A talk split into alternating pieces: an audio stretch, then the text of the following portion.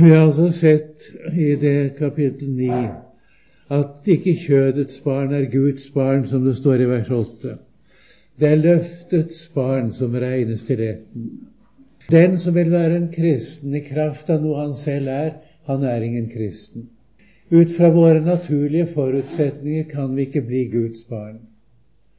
Men den som er født av løftet, som har en tro og tillit til Jesus, som er sprunget ut av Guds løfter, og som ikke kan bekjenne seg som en kristen fordi det er blitt åpenbart for en at Jesus han har frelst og forløst oss fra våre synder med sitt blod. Han er altså Guds barn. Løftets barn regnes til ætten. Og hele Israels historie, både gjennom Abraham og Sara, og likedan gjennom Rebekka og det som hendte med Jakob og Esau, det er anskuelsesundervisning om dette. Det er så aldeles utelukket at det kommer an på våre gjerninger. Det ser vi ikke minst i det som ble sagt til Rebekka.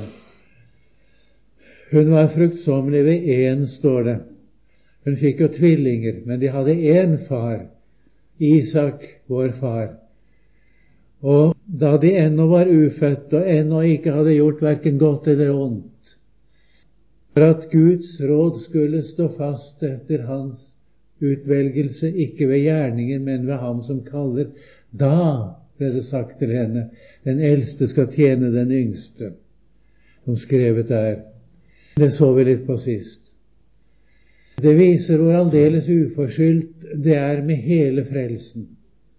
Og så kommer altså konklusjonen i vers 16. Så står det da ikke til den som vil, heller ikke til den som løper, men til Gud som gjør miskunnhet. Dette er uforståelig for det naturlige mennesket. La meg nevne noe i parentes. Det har ikke noe med denne sammenheng å gjøre. Men på grunn av et spørsmål som jeg ofte får av sjelesørgerisk art overfor dette. Det står i Johannes' åpenbaring 'Den som vil, han tar livets vann uforskyldt'. Hvordan kan det da hete at det står ikke til den som vil. Det er bare ganske enkelt å svare. Hvis et menneske vil frelsen, så er det et bevis på at Gud allerede har virket troen i hans hjerte. Den som vil, slik den betydning Johannes' åpenbaring, han tar livets vann uforskyldt. Meningen er at et menneske kjenner seg aldeles fortapt og hjelpeløs og har ingen utvei men han skal få alt uforskyldt. Og det er åpent for alle og enhver, den som vil. Det er ikke spørsmål om noe annet. Og hvis et menneske virkelig vil ta imot dette, er det bevis på Da har jo Den hellige ånd allerede fått gjøre den gjerning til frelse i hans hjerte som det er tale om. Dere skjønner forskjellen der? Altså Det er tale om noe helt annet i Johannes' åpenbaring der enn det som er nevnt i Romerne 9,16. Her er tale om viljen som en prestasjon fra menneskets side. Det er ikke våre anstrengelser, det er ikke vår vilje det beror på. Alt beror på Gud, som gjør miskunnhet. Ordet tar opp dette igjen i slutten av kapitlet. I mellomtiden kommer vi inn på noe annet som hører sammen med dette, Det er en helt annen side ved saken, i vers 17 hvor vi egentlig skulle begynne i dag. For Skriften sier til farao Just til dette oppreiste jeg deg, at jeg kunne vise min makt på deg, at mitt navn kunne bli kunngjort over all jorden. Altså står det i vers 18 hvem han vil, den miskunner han seg over, og hvem han vil, den forherder han. Du vil da si til meg, hva har han da ennå å klage over? For hvem står vel hans vilje imot? Men hvem er da du menneske som tar til gjenmæle mot Gud? Vil da verket si til virkeren, hvorfor gjorde du meg slik? Eller har ikke pottemakeren makt over lære, så han av samme deg kan arbeide det ene karet til ære, det andre til vanære? Men om nu Gud, skjønt han ville vise sin vrede og kunngjøre sin makt, dog i stort langmot tålte vredens kar som var dannet til undergang, så han også kunne kunngjøre sin herlighetsrikdom over miskunnhetens kar, som han forut hadde beredt til herlighet. Og til å bli slike kalte han også oss, ikke bare jøder, men også av hedninger osv. Foreløpig skal vi ikke ta med å lese mer. Det som altså nå står om farao, just til dette oppreiste jeg deg, at jeg kunne vise min makt på deg. Farao satte seg imot det Moses sa. Da Moses var sendt for å frigjøre Israels barn, som det heter i Gamle Testamentet, og han på Soans mark i Egypten gjorde sine tegn og under, så prøvde Egyptens trollmenn å gjøre de samme under etter. Og langt på vei kunne de etterligne og gjøre det samme, iallfall tilsynelatende, som det Moses gjorde. Da det kom til stykket, gjorde Moses tegn som ingen kunne motsi, og ingen kunne gjøre etter. Men hele tiden satte farao seg imot. Gud hadde oppreist farao for at han kunne vise sin makt på ham. Han skulle vise sin makt ved den måten han førte Israel ut av Egypten på. Israel skulle ikke frelses ved krigsmakt, ikke ved sin kamp.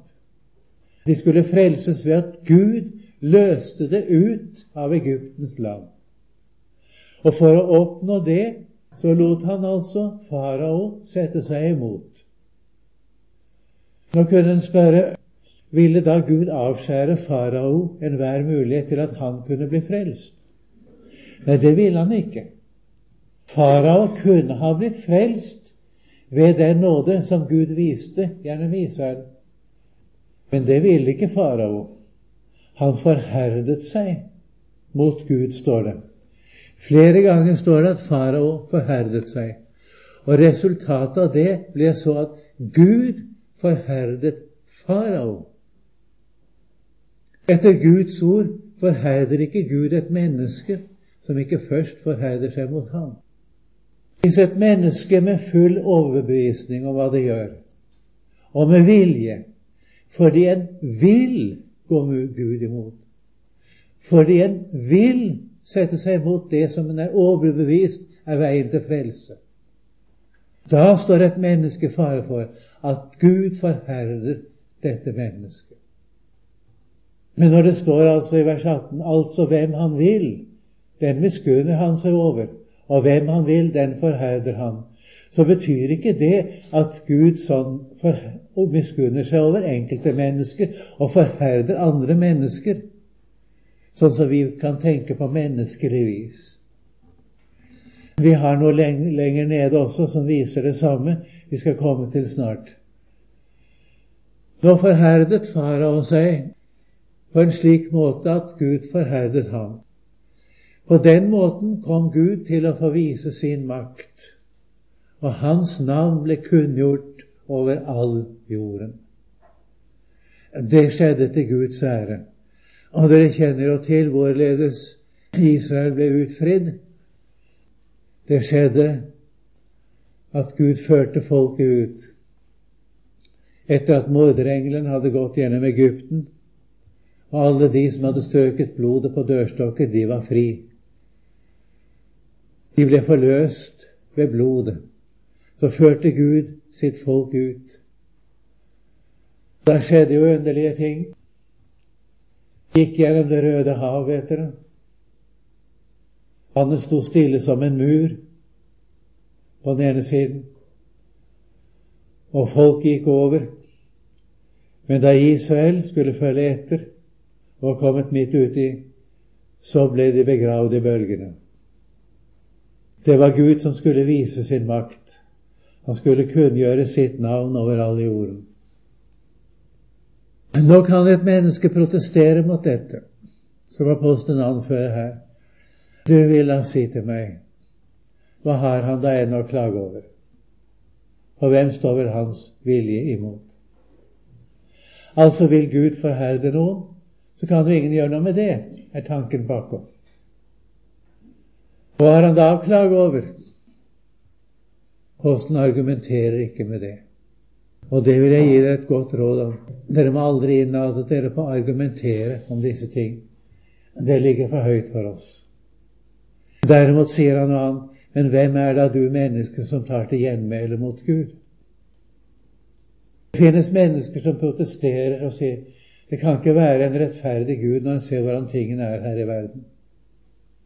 Hvis det hadde vært en Gud, en rettferdig Gud, så kunne ikke det onde utfolde seg slik som det gjør, osv. Som om det onde skulle komme fra Gud. På mange måter tar menneskene til gjenmæle mot Gud. Og det kan være mange ting å si om det. Ikke minst dette at Gud ikke griper inn overfor alt det onde i verden. Men det skal jeg ikke komme inn på nå. Jeg skal heller komme tilbake til det en annen gang. Men det som er sagt, er at det er farlig for et menneske å ta til gjenmæle mot Gud. Vil da verket si til virkeren 'Hvorfor gjorde du meg slik?' Eller har ikke pottemakeren makt over leret, så han av samme deg kan arbeide? Det ene kar til ære, det andre til vanære. Gud er suveren. Han gjør med oss mennesker slik som han vil. Men han er ikke vilkårlig. Det viser også det som kommer videre. Nå står det nemlig Men om nu Gud, skjønt han ville vise sin vrede og kunngjøre sin makt, dog i stort lagmot tålte vredens kar. Det vil si disse som hadde satt seg imot Gud, og som han ble nødt til å forherde tålte vredens kar, så står det, som var dannet til undergang. Det ordet 'dannet til undergang' er ikke noen god oversettelse. Nøyaktig betyr ordet etter grunnteksten de som selv hadde påbegynt sin undergang. Det er godt å oversatt det slik. Det Gud, skjønt han ville vise sin vrede og kunngjøre sin makt, dog i stort langmot. Han grep ikke inn momentant. Han tålte det lenge. Tålte vredens kar, som selv hadde påbegynt sin undergang. Det var jo ikke Guds råd at de skulle gå fortapt, for Guds råd går ut på frelse. Men disse mennesker som det er tale om her, som farao, det gjaldt også Esau, Esau skulle jo ha blitt frelst ved den frelse som kom gjennom Jakob, men han ville ikke. Det er mennesker som har påbegynt sin egen undergang ved å forherde seg mot Gud. Så har Gud tålt dem. Så har det sin store hensikt. Det har nemlig sin grunn i at Gud på den måten kunne kunngjøre, kunngjøre sin herlighets rikdom er ikke småtteri. For miskunnhetens kar, som han forut hadde beredt til herlighet. Miskunnhetens kar, det er de menneskene som Guds råd blir virkeliggjort på. De som kommer til tro når de hører evangeliet. De som Gud altså fra evighet av har vedkjent seg som sine, fordi de ikke gjør motstand imot Guds ord. Fordi de ikke avviser frelsen, men tvert imot lar seg frelse. De kalles miskunnhetens kar. Bildet er fremdeles pottemakeren, som av samme deg gjør det ene kar til ære, det andre til vanære. Det er Gud som liksom er den store pottemaker. Han kunngjør sin herlighetsrikdom over miskunnhetens kar, som han forut hadde beredt til herlighet. Og det er sant at alle som tror på Jesus, dem har Gud fra evighet av beredt til herlighet. Det vet vi altså. Og det var det det var tale om fra vers 28 til 30, som vi så på i kapittel 8. Her slutter setningen uten å bli fullført. Det er en sånn tankerikdom her at setningen er det man kaller anakolutisk, for å bruke det grammatiske språk. Setningen er grammatisk sett ufullført. Det lar seg ikke gjøre å fullføre den, for mennesketankene rekker ikke til. Men meningen er tydelig og klar. Men istedenfor nå å fullføre setningen Det står altså fast at de som tror på Jesus, de er kar til miskunnhet, som Gud har beredt fra evighet til herlighet. Og så kunngjør han sin herlighetsrikdom over dem. Det står fast. Og så går apostelen over til å si og til å bli slike kalte han også oss. Han kalte oss ikke til å bli vredens kar. Guds kall går alltid ut på å gjøre mennesker til miskunnhetens kall, ikke til vredens kall. Det lar seg ikke gjøre for apostelen å få fullført setningen, men han får frem det som vi trenger å høre. Det Gud har kalt oss til, det er å bli slike. Slike som Han kunngjør sin herlighetsrikdom over. Fordi Han fra evighet har beredt dem til herlighet. Det er miskunnhetens kar. Og til å bli slike kalte han også oss. Og ikke bare av jøder, men også av hedninger, som han også sier hos Hoseas. Hoseas er på en særskilt måte i Gamle testamentet karakterisert som Guds kjærlighetsprofet. På mange måter blir han sammenstilt med profeten Amos, som er Guds domsprofet på en særskilt måte. Amos må forkynne Guds dom. Hoseas forkynner på en forunderlig måte Guds kjærlighet, og det endog til et folk som er utro imot Gud. Det har jeg jo ikke tid til å gå inn på.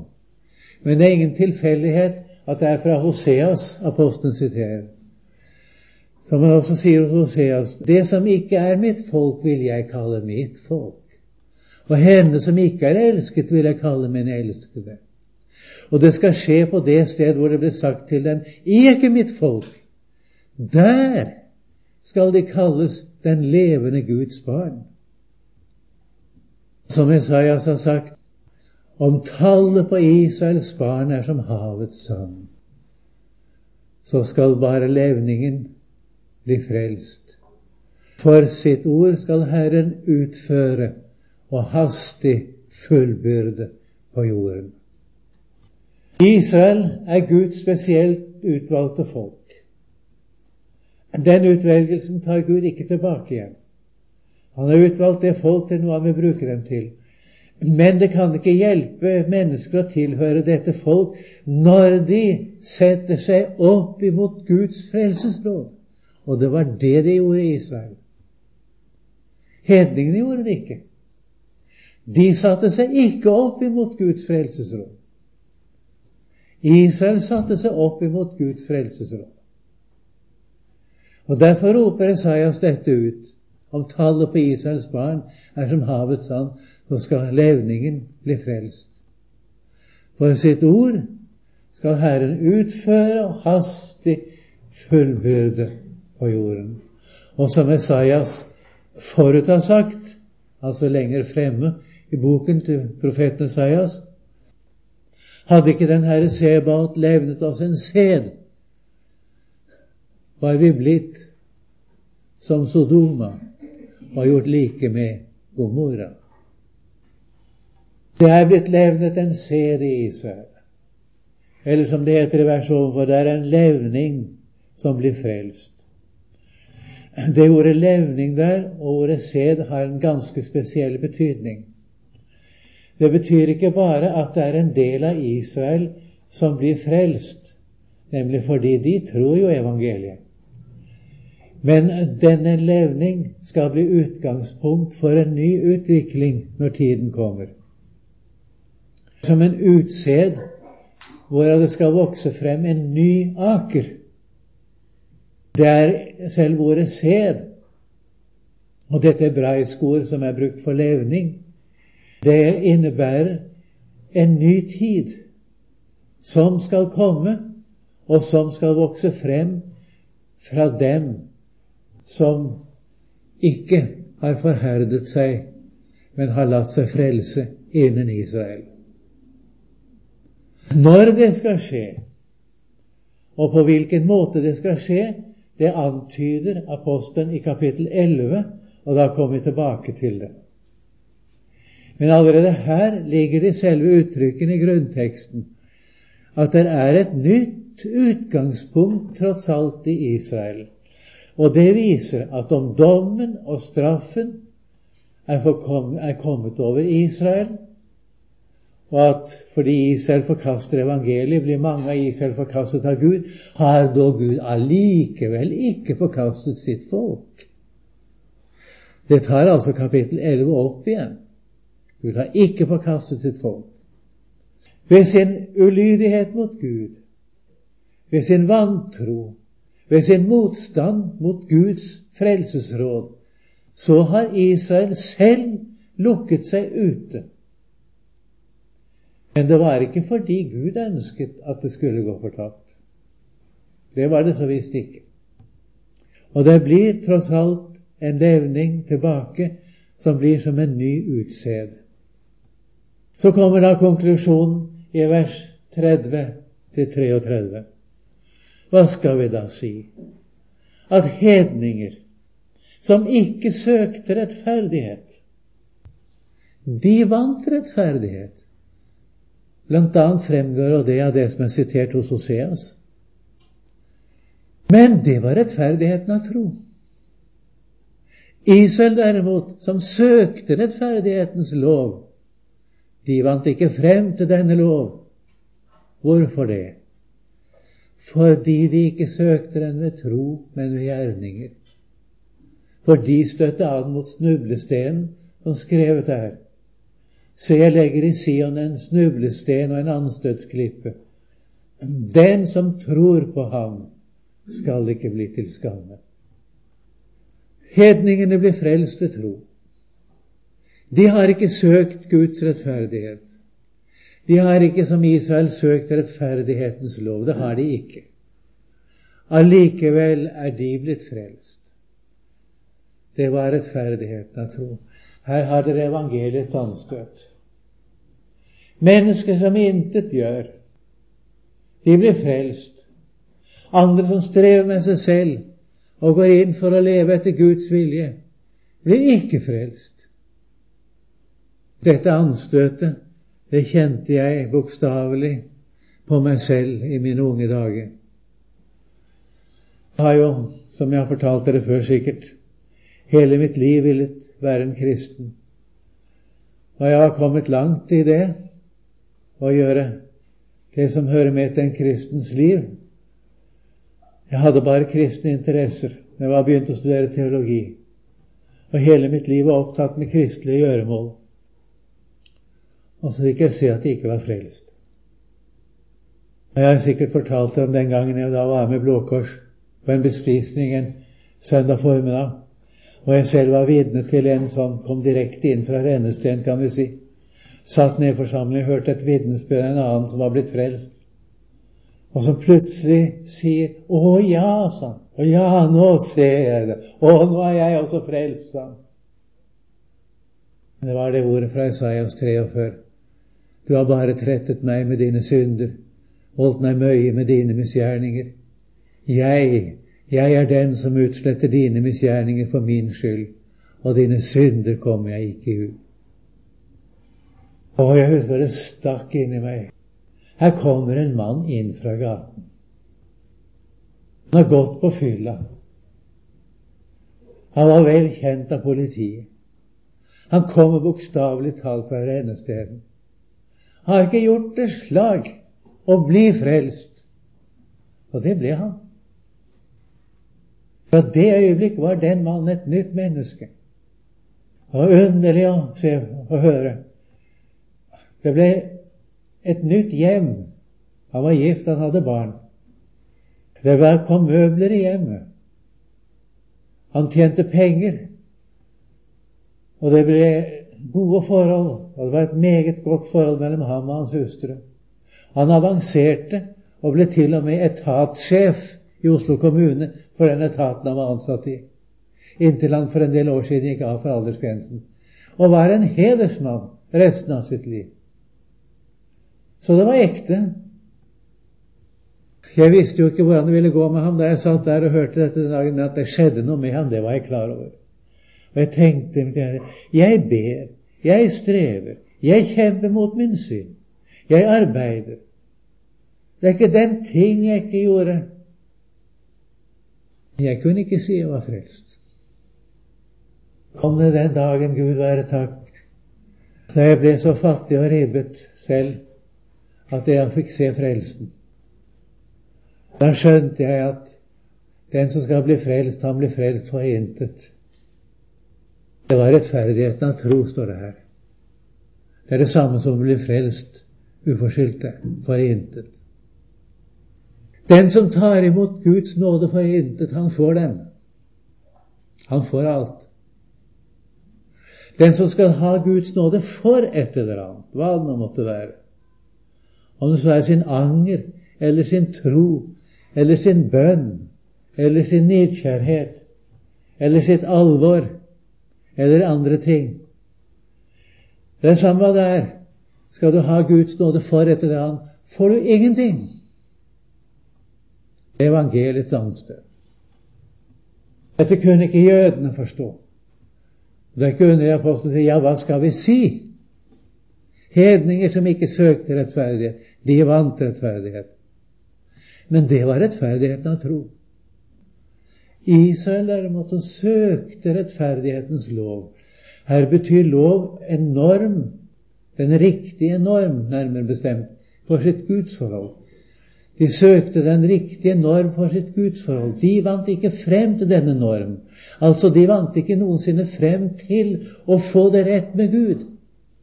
Og hvorfor det? Fordi de ikke søkte henne ved tro, men ved gjerninger. De skulle være noe. De skulle bli noe. De prøvde å finne frem til en norm i sitt gudsforhold gjennom loven. Det går ikke. Et annet mot snublestenen. For dem ble Jesus til fall, som det var sagt om ham i tempelet. Den er satt til fall og oppreisning for mange. Da ble det altså med Jesus som med de hjørnestenene som husene i Israel sto på. Fire hjørnestener som stakk utenfor huset i hvert sitt hjørne. Når man gikk forbi huset, snublet man ofte på dem. Derfor ble det kalt i dagligtale anstøtstener, snublestener. Jeg legger i siden en snublesten, en anstøtsklippe, står det. Huset som sto oppå dem, det sto trygt. Derfor står det 'den som tror på ham, skal ikke bli til skamme'. Men de som skulle finne en riktig form, eller en riktig norm, rett og slett, for sitt gudsforhold utenom Jesus, de falt og snublet på Jesus. Da voldte Jesus deres fortapelse. Anstøt betyr i Guds ord det som volder et menneskes fortapelse. Det er et billedlig uttrykk.